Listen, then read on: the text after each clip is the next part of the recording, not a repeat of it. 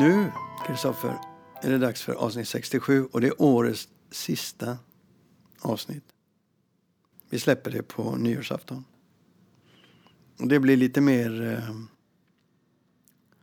lite gull, mer gulligull än vad ni är vana vid. I det här. Liten reflektion tillbaka. Just det, du ska berätta lite grann om din uppväxt och dina minnen av dina, dina, hur du har minns dina jular från förr och sånt. Ja, nej, det gör vi ett specialprogram senare. Det sista vi gör, gör vi Mm. det.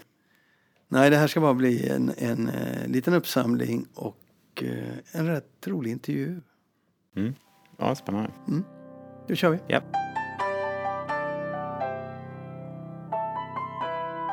Nu ska jag utmana alla dina fördomar. Mm. All din grinighet ska nu få chansen att komma upp. Yes, du ska prata om amerikanska författare eller? Eh, amerikanskt ska det i alla fall bli, Ja. bland annat. Jag tittar lite på branschen, hur den ser ut och funderat vad som kommer att hända framöver. Mm. sorts trendspaning. Och eh, då är det... Det som jag ser är någonting som jag har tjatat på hur länge som helst. Alltså jag, jag, du vet ju att jag hatar de här eh, digitala marknadsföringsplattformarna som förlagen och bokhandeln har. De är skräpligt dåliga. Mm. De har liksom bara ett bud och det är kom och köp, kom och köp. Och jag menar att det är ointelligent. Man ska få folk att köpa, absolut. Men Det får vara någon jävla måtta på den bristande kommunikationen. För det finns ingen kommunikation med kunderna. Det finns ingen... Talar du om förlagens hemsidor och Facebook-sidor och sånt? Ja. Alltså det är bara, kolla här, nu har vi vunnit ett pris, Mm. kolla här, nu har den här boken kommit och köp detta, kom på våran fest eller gör det och det. Och det är så hjärndött. Men i USA, jag måste dricka lite vatten. Det är väldigt mycket bra saker som händer i USA hela tiden. Ja, det gör Vi det. har väldigt mycket att lära av USA. Det sa han ironiskt, men vi har faktiskt det. Om du lyssnar nu ska du få höra i alla fall. Det bästa kommer därifrån. Mycket av det bra kommer därifrån. Och nu får jag göra min Mm. trendspaning utan Mm. att du gnäller. Mm. Ja. Du vet James Daunt, mannen som eh, var tillhör de bästa independentbokhandlarna som sen tog över och ledde Waterstones kan också leda Barnes and Nobles. Ja, men först Waterstones Mm. gjorde han till den bästa kedjebokhandeln i världen. Mm. Det är den idag. Mm. Nu köpte ju ägarna till Waterstones Barnes Noble i USA och då Mm. fick han ansvaret för dem också. Och det är världens största bokhandelskedja. Och när han får den och när han tittar på hur det ser ut så ska han göra samma vän- vändning som han har gjort eh, på Waterstones. Men det var alldeles nyss de tog över. Och så intervjuades han, han nyligen i, i, i um, Publishers Weekly. Då säger han bland annat så här. När han tittar på Barnes Nobles bokhandel så säger han vi måste göra våra boklådor mer själfyllda. Mer passion i dem än vad det ser ut idag. Och, och, som han gjorde då på Waterstone, tog han bort den centrala styrningen. Och så krävde han av personalen att de skulle lyfta bokhandeln. Mm. Och det har gått otroligt bra då. Men vad han pekar på då, det är att tilltalet på nätet är så dåligt. Den dig- digitala kommunikationen är så dålig. Den måste fokusera mer på böckernas innehåll. På vilken roll böcker spelar i samhället, vilka frågor de kan svara på och varför man ska läsa. Alltså de tar ett mer intelligent grepp. Och tittar du då på eh, några av de stora förlagen i USA som Penguin Random House och, och ett mindre förlag som Mulholland Box så ser du att det är precis det de har gjort. De har ändrat sitt tilltal på nätet. Och varje gång jag går in på deras hemsidor så ser jag wow, det här blir jag intresserad av. Och då handlar inte det bara om att sälja senaste böckerna. De lägger dem i sammanhang. De ställer frågor till mig. Mm. Eh, och jag tror att de säljer fler böcker på det sättet än de gjorde innan när de bara sa kolla ny bok, kolla ny bok. Och det gör mig glad för då, då, då vet jag att när jag kommer in här så får jag lära mig något. Jag blir tagen på allvar. De tar mina bekymmer på allvar. De säger det där kan vi prata om. Då blir jag ju nyfiken. Den Mm. boken vi har. Och det här ser du växer inom den anglosaxiska världen. Eh, och, och massa olika eh, sätt att göra det här på. Men det är den nya trenden inom digital marknadsföring. Vi kanske får den i Sverige om fyra fem år. Om vi har tur. Eh, men, men det är för mig det är otroligt roligt att se. Det är en trend, hävdar jag. Frågor på det? Uh, nej. Synpunkter? Nej, men vi, vi, vi, vi hade något inslag i podden för rätt länge sedan när jag sa att all marknadsföring i sociala medier är meningslös. Eh, och eh, Det var ju naturligtvis lite tillspetsat men vad jag menade där var ju att de stora förlagen har ju ett, stort, ett sånt enormt trovärdighetsproblem eh, på, på sociala medier. Det gäller ju hemsidor och sådana saker också. Det är ju att man har en väldigt stor utgivning och sen så det som funkar det är just det här intelligenta tilltalet men också det personliga tilltalet. Och det är väldigt svårt för en, en större organisation, ett större förlag att ha det där personliga tilltalet. Eh, och sen är det svårt också när man har en sån bredd. Eh, det, det, är väldigt svårt för att du har så mycket som du måste lyfta och du kan inte välja bort saker och du kan inte... Alltså du, du, du har, det, till slut blir det som en anslagstavla. Och det, och det, och det, och det där är ju väldigt liksom... Eh, det här, min, min inställning är att jag håller med dig om att det är jättedåligt i Sverige. Eh, även Lind Company inte utmärker sig kanske heller som fantastiskt. Eh, men det är väldigt svårt att höja det till en nivå som är bra. Och gör du det så får du massa missnöjda författare vars böcker inte dyker upp i flödet och du, får, du måste lägga väldigt mycket resurser på det och det kommer ge kortsiktigt väldigt lite tillbaka. Kortsiktigt kanske, men, men bokhandeln, här är klockrent. Jag, när jag tittar på de här förlagen jag pratar om så eh, har han gjort det på ett lysande sätt. En, för en bokhandel så är det ju väldigt annorlunda. En bokhandel har ju vänder sig till andra människor och sådär och eh, fungerar ju på ett annat sätt. Um, när man, eh, det här kanske låter konstigt men många förlags Facebook-sidor verkar vara viktigare, alltså verkar vända sig till förlagets författare snarare än till potentiella läsare. Mm. Det kan nog vara så. Men du, vi kan ta detta en annan gång mm. vidare. Så jag har två grejer till bara som är intressanta när det gäller bokhandeln. Det är inte så ofta vi pratar om positiva nyheter men de här är positiva, det jag ser inom bokhandeln. Mm. Ett par andra exempel är Indigo, den kanadensiska bokhandelskedjan. De har byggt ett nytt koncept som är lite mer, de kallar det Culture Department Store. Alltså ett, ett eh, vad ska man säga, en, en stor affär med mm. kultur, för, för, kulturella produkter. De bygger, jag är inte så förtjust i non-books, men de har byggt...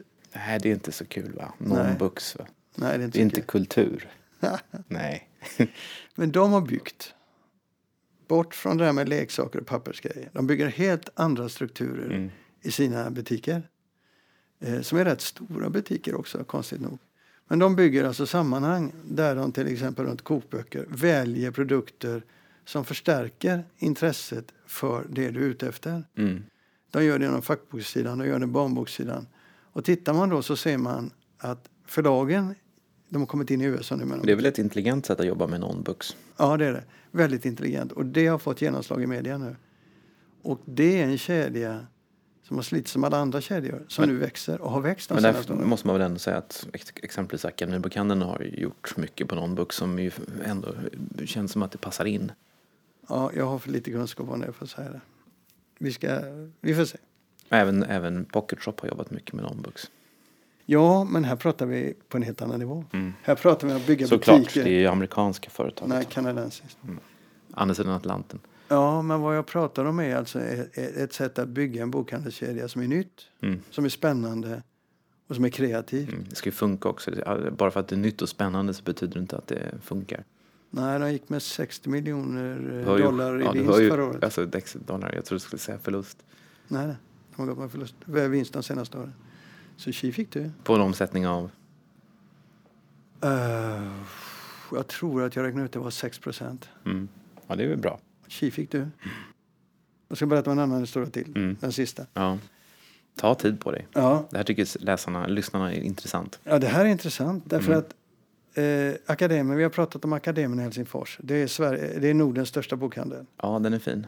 Bonniers har köpt dem. Mm. Försöker vända hela hela en nedåtgående trend försöker vända att skapa en, eh, en bokhandel som är i takt med tiden. Mm. Det har varit en lång process och de är snart i mål. Och det är framförallt, det är också under Mats Ahlström och Magnus Brundin mm. på Bonniers har gjort ett otroligt intressant arbete.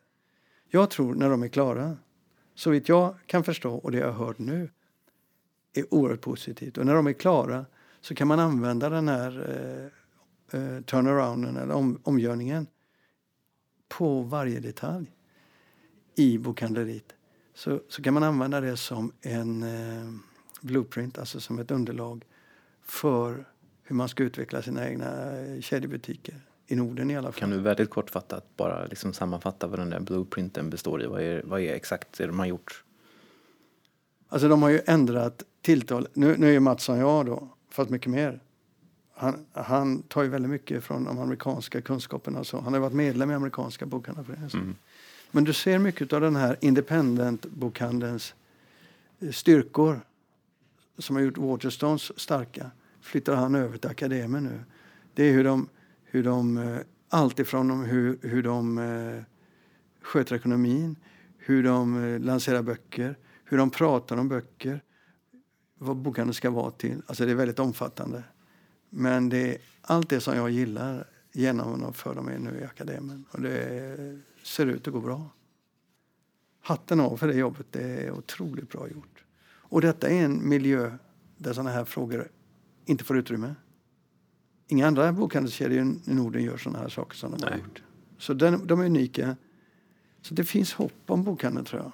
Jag har ju varit gnällig mot bokhandeln, så, men det här gläder mig otroligt. Mm. Så var det sagt. Men eh, ny, positiva nyheter från min sida även om du inte tycker det är så viktigt. Jo då, jag tycker allt som händer i USA är värt att ta upp i podden. Ja, nu var detta Kanada Finland. och Finland. Ja, nej, men Akademiska bokhandeln är spännande, det kanske vi kan återkomma till. Ja.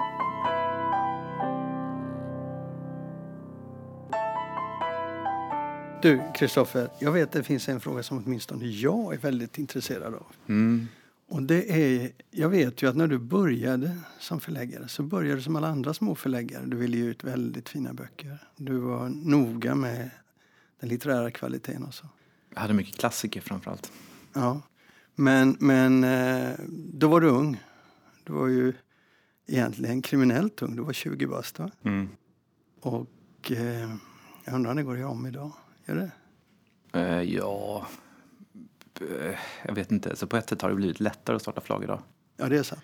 Men vad jag är ute efter nu, det är resan. Jag vill, jag vill på något sätt förstå din läro, läroprocess där, för den är väldigt intressant för andra som ska stå och starta förlag. Hur gjorde du? Hur tänkte du? Och då tänker jag så här. Vi skulle ha en punkt här när du berättar om ditt förläggarliv. De viktiga punkterna. Vad har du lärt dig? Och eh, varför ändrade du inriktning på förlaget? Lite så där tänkte jag flummigt och underbart lätt att göra. Ja, oh, det låter jobbigt. Nej, men jag tror inte att det... Alltså, vad har jag lärt mig? Alltså, man lär, när man ser tillbaks på, på sitt liv, låter det som att jag är 78, eh, så... Måste säga hur gammal du är nu till folk. Jag sa du började som 20-åring. 41. Yes. I, för, I förrgår? Ja, typ.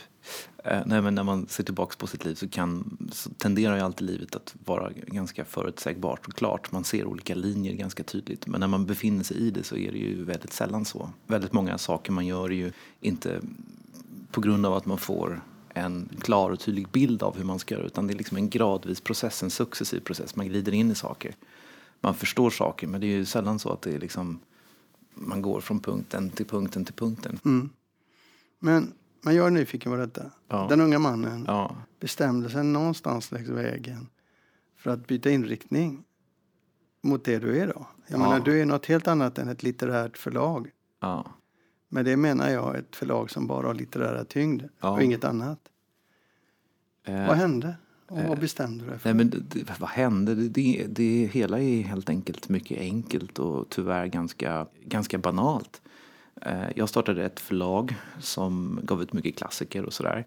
Eh, som väldigt många människor som startar förlag så brann jag för böcker och brann för litteratur. Och sen så var det ju en total frontalkrock med verkligheten.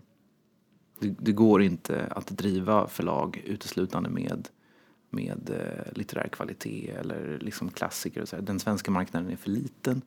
Även om den hade varit större så hade det varit svårt för konkurrensen just också där är ju väldigt stark. Eh, du har ju, jag förstod helt enkelt att ett förlag måste ha en större bredd annars har ingen, ingen liksom framtid. Vad gjorde du då? Eh, jag fortsatte ju med, med framförallt min klassikerutgivning men sen så försökte jag hitta andra ben att stå på. Och eh, det var väl mer eller mindre framgångsrikt. Jag brukar säga att de sju första åren var värst. Eh, och eh, alltså jag var ju kanske lite för ung när jag startade. Det finns ju fördelar med att ha lite erfarenhet. Det är klart att det finns en, en fördel också med att inte kunna någonting och att komma från sidan. För man har inga förutfattade meningar, man känner inga människor, man vet inte hur det ska vara. Det gör också att man kan tänka annorlunda, gå sin egen väg. Men vissa saker är ju faktiskt ganska bra om man har lite tum om innan. Men jag, jag försökte, testade lite olika saker och eh, den första bestsellern som jag hade, om man kan säga, kalla det för bestseller, var ju eh, den citatbok som Leif Eriksson och jag gjorde som heter Världens elakaste citat. Den sålde vi i eh, 65 000 exemplar. Det var som fan. Ja, och det där blev en serie med böcker som totalt eh, tror jag sålde i en kvarts miljon eller någonting sånt. Vad drog du för slutsatser av det? Nej men jag, jag insåg ju att man måste ha en, en, större bredd men jag insåg också att när man som ett litet förlag eh, kanske då har en väldigt ambitiös klassikerutgivning och ger ut väldigt mycket eh, och så kommer man med, med några citatböcker som får en stor framgång då blir man ju bara känd för de där citatböckerna. Eh, att det var en av de här kanske långsiktiga då insikterna som du var ute efter initialt i samtalet som jag, som jag drog av det. Att Bonnier kan göra, eh, alltså de kan ge ut nästan hur mycket, mycket kommersiella böcker som helst.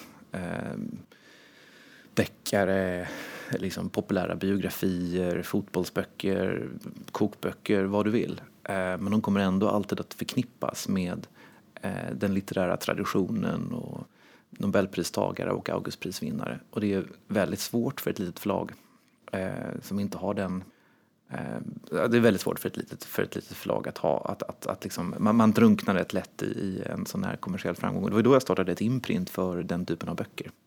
Som, som heter Känguru som vi nu har tagit bort sedan några år. Varför gjorde du det? Nej, men det var just för att skilja då, liksom det, det som var mer lättsamt och det var mycket då citatböcker och eh, presentböcker. Att skilja det från den övriga verksamheten för att det, det så att säga drog ner den, den mer seriösa. Du tänkte så då? Det var så. Det var så. Alltså, framförallt i, i bokhandeln och sådär. Eh, men eh, ja, i, idag är jag ju inte så, så känslig för det där. Men idag är också förlaget så pass mycket större så det spelar inte så stor roll. Men, men många små förlag är ju väldigt besatta av sin, sin självbild eller hur förlaget uppfattas av sin egen identitet. Men också för att det är ganska viktigt. Ehm, man, man, eh, fick, vi fick väldigt mycket recensioner då för, för våra böcker. Recenserades ju mer på den tiden. Men, men, um...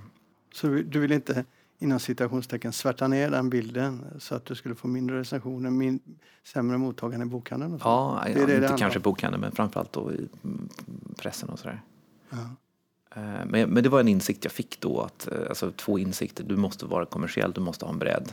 Och sen också att det är väldigt svårt um, det, alltså ett litet förlag kan ha en, en väldigt bra litterär utgivning men eh, även den litterära världen är otroligt Alltså det, det, det, är svårt för små förlag att få stora kommersiella författarskap. Men det är också svårt för små förlag, kanske ännu svårare skulle jag säga, för små förlag att få de litterära författarna. Därför att eh, någonstans så kan du ge ut klassiker och du kan ge ut väldigt smala saker som du vet aldrig kommer sälja men får fina recensioner. Men du drömmer ju ändå om och du vill ju ändå alltid ha bra böcker som säljer bra. Och de där bra böckerna som säljer bra skrivs ju då oftast av svenska författare. Men det är ju väldigt sällan som svenska eh, litterära författare dyker upp på små förlag. För de dras oftast till Bonnier eller Norstedts av tradition men också för att det är där de känner sig mest hemma. Medan många av de, de litterära förlag vi har i Sverige idag som är de mindre förlag som Ersatz, Brombergs, Ellerströms um, otroligt fina förlag har ju då uh, nästan bara översatta författarskap och uh, kan genom, genom att översätta få otroligt fina, fina, fina författare. Men de klarar inte av att liksom attrahera de svenska författarna på samma sätt. Tänker författarna fel där? Bra fråga. Ja, kanske att... Alltså, det är ju den här, jag, jag, tror det handlar väldigt mycket om identitet. Och för många av de här eh, författarna så, så söker man sig till ett förlag som har en utgivning som man gillar. Ehm, och man tror att man får mer uppmärksamhet där. Eh, men ty tyvärr är det nog så att många av de, här, de där litterära författarna får ju då lite fler recensioner kanske. Om du debuterar på Bonnier så får du kanske lite fler recensioner om du är litterär författare än om du hade debuterat på, på, på, på ett kommersiellt förlag som, som är mellanstort eller litet. Eh, sen så tror de nog att de får mer stipendier och bidrag. Eh, så kan det nog vara. De lyfts ju fram mer och de syns mer. Eh, men jag tror att det här är också en sån där, vi står vid ett skifte nu, att vi kommer få se mer såna här författare på mindre förlag framöver. Ja, det är jag övertygad om. Därför att eh, utrymmet för dem är inte så stort längre. Vidare då? Vad, vad ska du mer dra för slutsatser av den här resan, tycker du? Jag ska bara rekapitulera vad jag har sagt. För jag tycker det är rätt intressant. Jag upptäckte alltså att det är svårt att få kommersiella författare för de, de sugs ju till de största förlagen som magneter. Men jag upplevde att det var exakt samma sak med de litterära författarna. Att de var lika liksom snobbiga och lika eh, måna om eh, att liksom hela tiden komma ut på ett större förlag. De var nästan värre än de kommersiella författarna. Och att det därför det är väldigt, nästan omöjligt att bygga upp ett litterärt förlag. Om du inte bara ska jobba med översättningar. Det, det förstod inte jag, men så är det. Men så småningom förstod du det? Ja. Och vad drog du för slutsats av det? Jag drog slutsatsen att för att eh, om, du ska, om du ska ha ett litterärt förlag så måste du eh, du måste investera så fruktansvärt mycket. För att få en ställning på kultursidorna som gör att de recenserar dina böcker och liksom bevakar förlagets utgivning så måste du ge ut så fruktansvärt mycket saker som och kanske förvisso är bra men som är helt omöjligt att sälja för att attrahera saker som är bra och som går att sälja. Eh, och, den... och därför, så, därför så, så ska man nog vara väldigt försiktig med det. det drog... jag, jag, drog, jag, drog, jag drog slutsatsen att där finns ingen utrymme på marknaden. Så vart vände du dig då? Nej, men jag breddade ju mig då. Hur då? Ja, men eh, förlaget har, jag har ju alltid varit road av, eh, av förlagsverksamhet i största allmänhet. Och jag tyckte att det är kul att kunna ha en bredd, ungefär som en dagstidning som har en, en ledarsida, en kultursida, liksom nyhetssida och sportsida och så, där. så har jag tyckt att det varit kul att kunna ha ett sånt förlag också. Så förlaget blev ju ett ganska brett allmänutgivande förlag. Det blev rätt mycket deckare? Ja, det blev ganska mycket deckare. Varför? Um, ja, det, från början var det ju inte så mycket deckare. Men uh, deckare är, är ju, det är också en marknadsanpassning. Så deckarna är, dels tror jag i och för sig att många som skriver idag skriver deckare.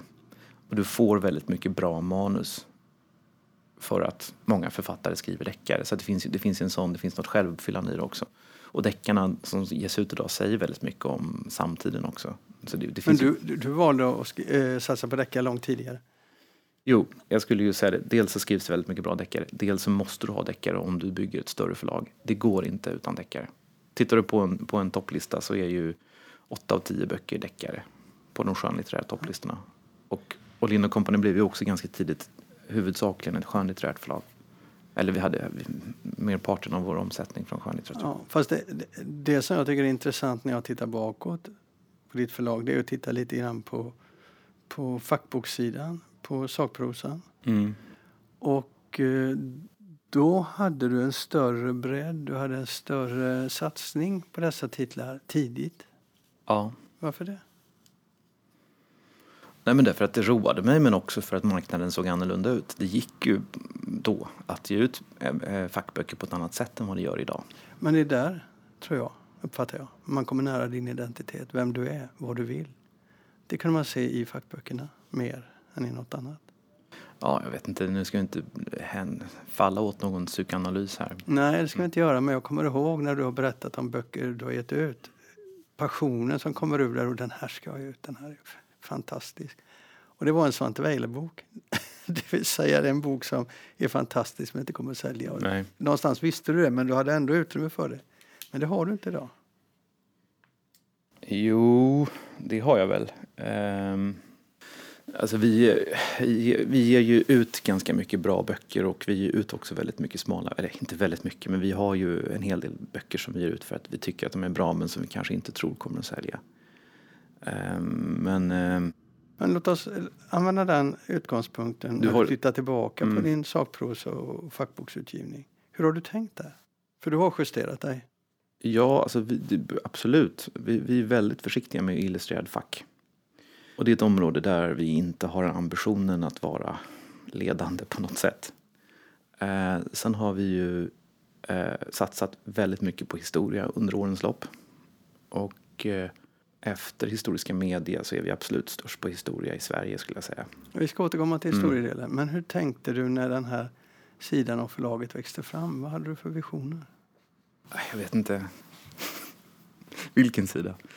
Med, med fackboksutgivningen, fack, eh, ja. med sakprosan, med den typen av böcker. För det växte ju sakta fram. Från början hade du inte det, utan det växte Nej. fram. I, antagligen då är din ambition att bli större, att bli mer bredare. Men jag tänkte, om man tittar på vad du gav ut för böcker tidigare och vad du ger ut nu så har det smalnat av lite, vill jag hävda. Ja, det, det har du helt rätt i. Um, vi har koncentrerat oss, men det tror jag också, det är en, en, kombination av att vi har marknadsanpassat men också att man, man gör det man är bra på så att säga. Det är inte så konstigt. Um, och det har blivit mycket historia, det har blivit mycket biografier. Um, och uh, det har blivit mycket mindre Alltså samhälle, reportage och sånt är ju väldigt svårt idag. Mm. Men, Men, sen handlar det också om vilka som bygger listor för att det är inte jag längre som är hela förlaget. Nej, det är Anders som bygger ja. den listan. Ja. Men du, har ju, du plockade ju in Anders för att han var duktig på det Anders här. Gustafsson kanske vi ska ja, säga. så är det, som har varit med på det förut. Du plockade in honom för att han var duktig här. Men vad jag är ute efter här är ju att du har en väldigt, väldigt, väldigt fokus idag på, och det har vi pratat om för andra världskriget eh, väldigt mycket. Ja, fast det har vi dragit ner lite på också. Varför det? Ja, av kommersiella skäl. Det är lite, alltså, historia har blivit väldigt svårt att sälja. Eller jag ska inte säga att det har blivit väldigt svårt att sälja, men historia har ju minskat lite grann, tycker vi i alla fall. Upplagen har gått ner, det är inte alls som det var förr. Vi måste vara mycket mer försiktiga med vad vi väljer. Eh, och eh, vi måste bredda vår historiska lista och det har vi också gjort.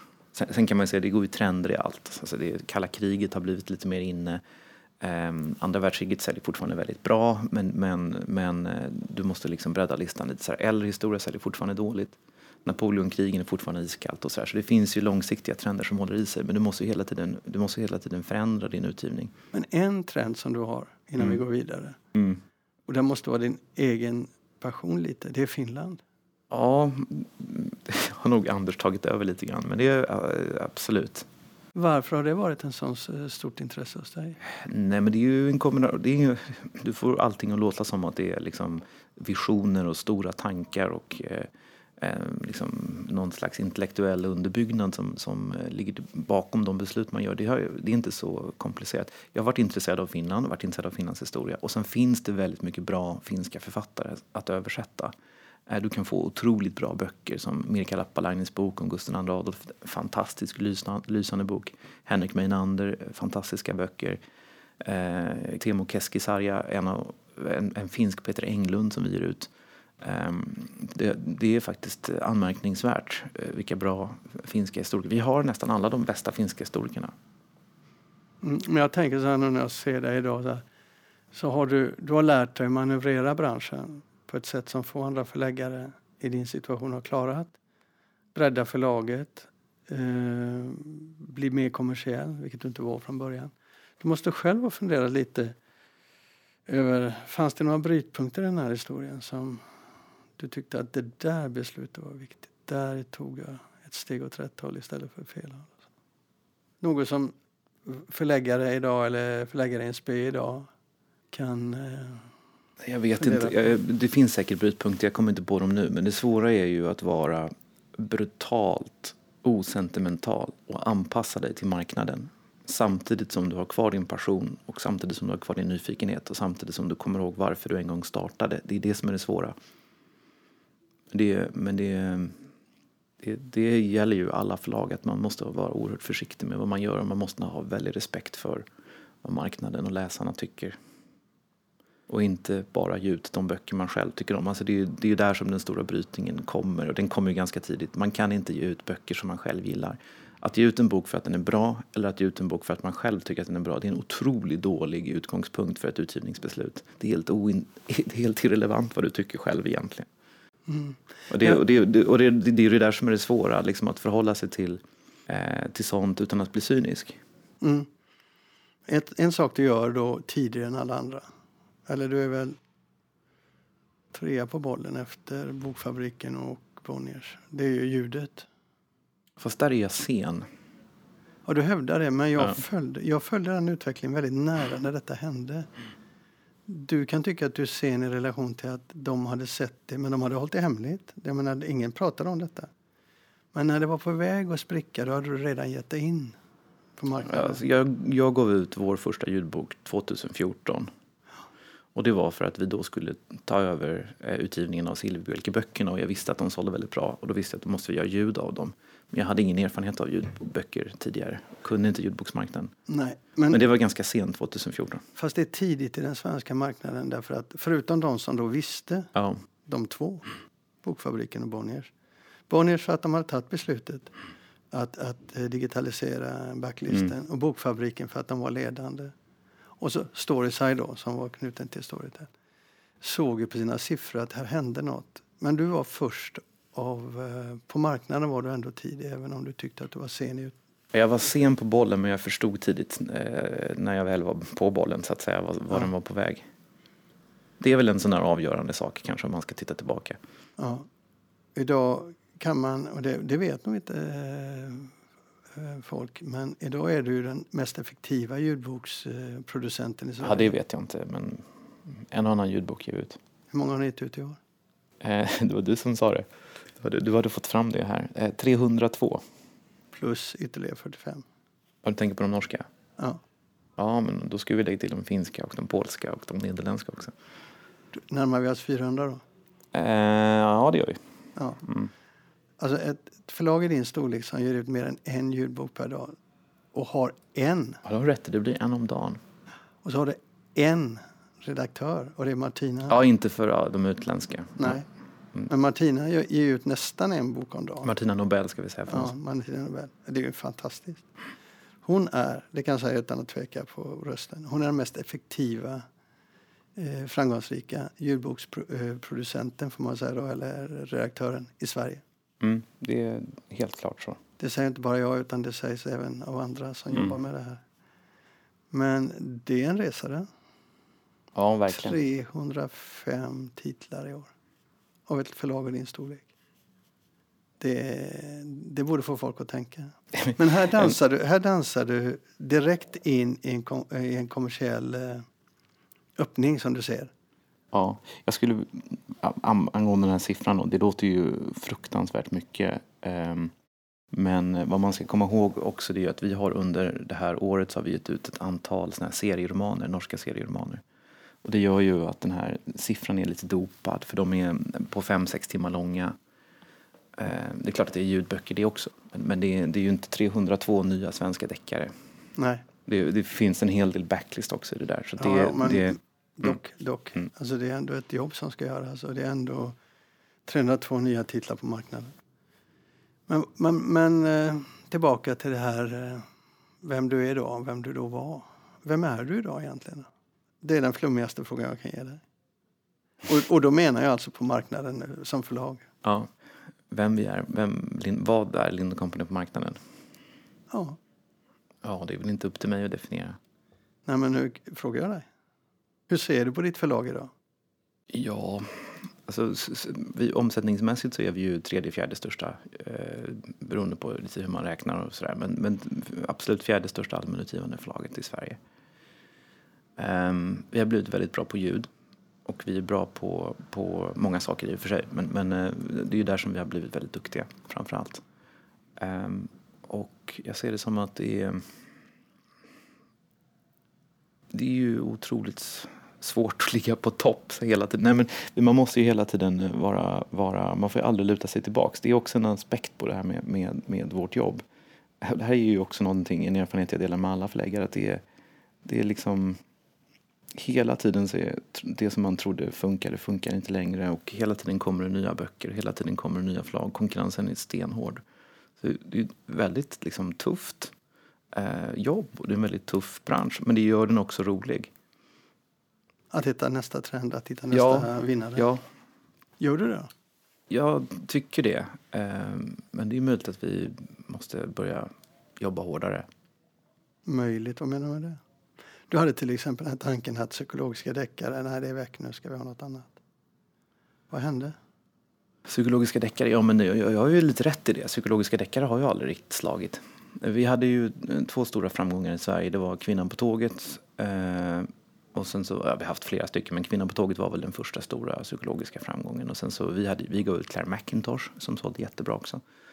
Eh, och sen så kom det ju en flod av eh, psykologisk spänning inte så många svenska författare. Caroline Eriksson är en av de svenska författare som skrev psykologisk spänning. Eh, men eh, framförallt var det översättning. Och det var ju också en sån här typisk eh, förläggardriven utgivning skulle jag säga. Alltså en förläggardriven utgivning som inte har eh, känt av vad marknaden faktiskt säger utan då sitter en massa förläggare, även vi här på Lind Company och så ger vi ut massor av traditionella deckare. Och så kommer de här eh, psykologiska spänningsdeckarna, oftast ganska välskrivna, ofta ganska bra i översättning och vi tycker det är fantastiskt att det är något nytt liksom, att det är ett nytt grepp på en genre som vi upplever är lite sliten och som vi upplever att eh, det är bara samma, samma. Och så köper vi in en massa sådana där bra grejer och ingen vill lyssna eller läsa. Mm. Inte fullt så illa. Vi har haft faktiskt en del framgångar. Vi, Claire McIntosh framförallt, det har ju gått riktigt bra.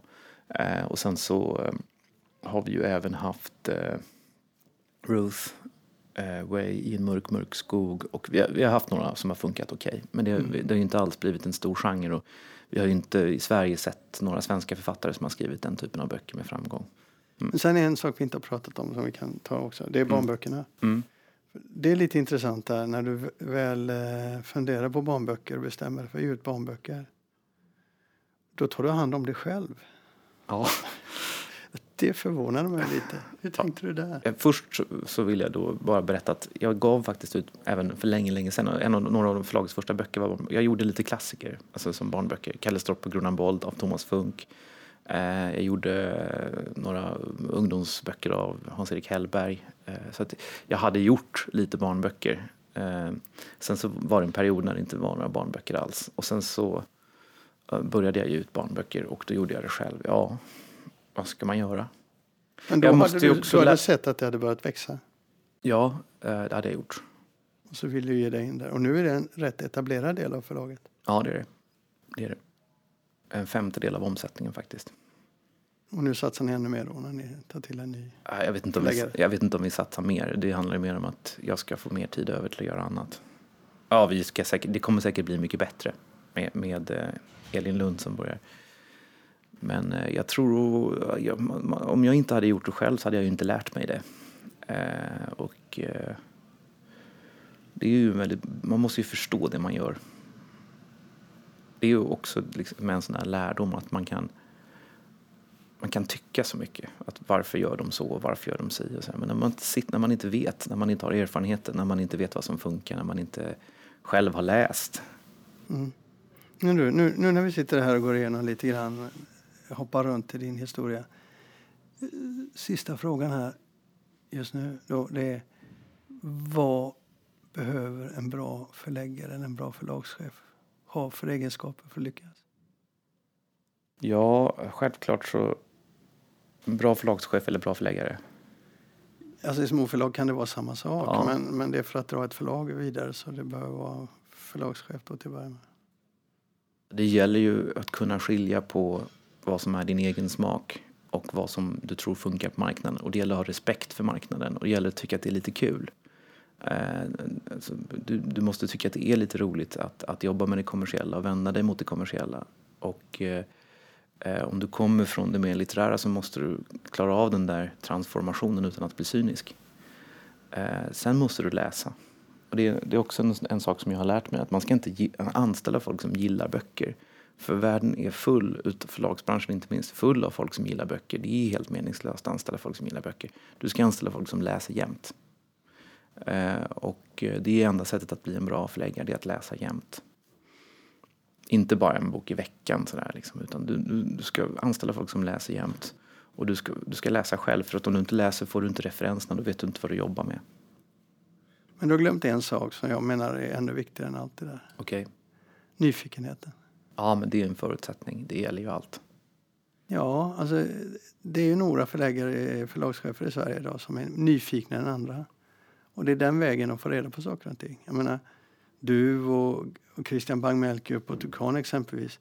Ni gräver ju ner er i allt som har med ekonomi att göra och, och, och nyfikna på allt som händer i branschen. Det har ju gett en massa försprång, så vitt jag kan se. Det har gett er förmågan att växa och det har ni gjort bägge två. Ja. Men jag har svårt att se att det skulle kunna hända utan er nyfikenhet. Nyfikenhet är ju ett, ett positivt ord och ett trevligt ord.